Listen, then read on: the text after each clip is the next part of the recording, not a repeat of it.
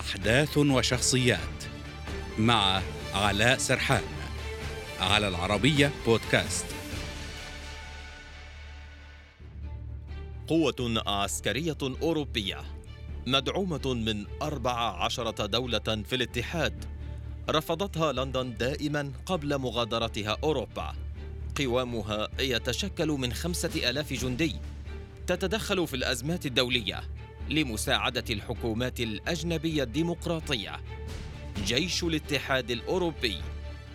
هو اقتراح قدمته أربع عشرة دولة في الاتحاد الأوروبي من بينها فرنسا وألمانيا لتشكيل قوة عسكرية للتدخل السريع تكون قادرة على التدخل مبكرا في الأزمات الدولية.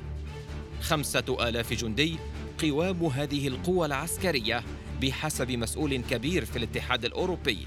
ستكون مدعومة بسفن وطائرات. الفكرة تأتي لتعزيز القدرات العسكرية للاتحاد الأوروبي في إطار مراجعة استراتيجيته الشاملة التي سيتم التوافق عليها عام 2022 لكن مهمة هذه القوة ستركز على تقديم المساعدة للحكومات الأجنبية الديمقراطية التي تحتاج إلى مساعدة عاجلة على سبيل المثال حكومة شرعية في دولة ما تخشى احتمال سيطرة مجموعة إرهابية عليها.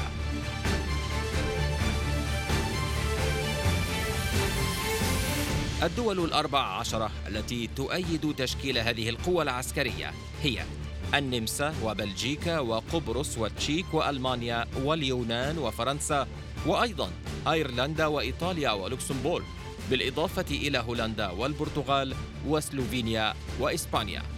هذه ليست المرة الأولى التي تطرح فيها هذه الفكرة فقد أنشأ الاتحاد الأوروبي ما يسمى بالمجموعات القتالية التي بلغ عديدها خمسة ألاف جندي عام 2007 لكن لم يتم نشرها بسبب خلافات سياسية وتمويلية. ولماذا نعود بالزمن بعيدا؟ فاقتراح تشكيل قوة أوروبية طرحه الرئيس الفرنسي إيمانويل ماكرون في خضم توتر بين الولايات المتحدة في عهد الرئيس الأمريكي السابق دونالد ترامب والاتحاد الأوروبي حول نفقات حلف شمال الأطلسي الناتو. ووصف حينها ماكرون حلف الناتو بالميت سريريا وسط توترات من جهة أخرى مع تركيا العضو في الحلف. كما أن قرار الانسحاب الأمريكي من أفغانستان أقلق الشركاء الأوروبيين وأيقظ مخاوفهم من التقلبات السياسية على جهود مكافحة الإرهاب.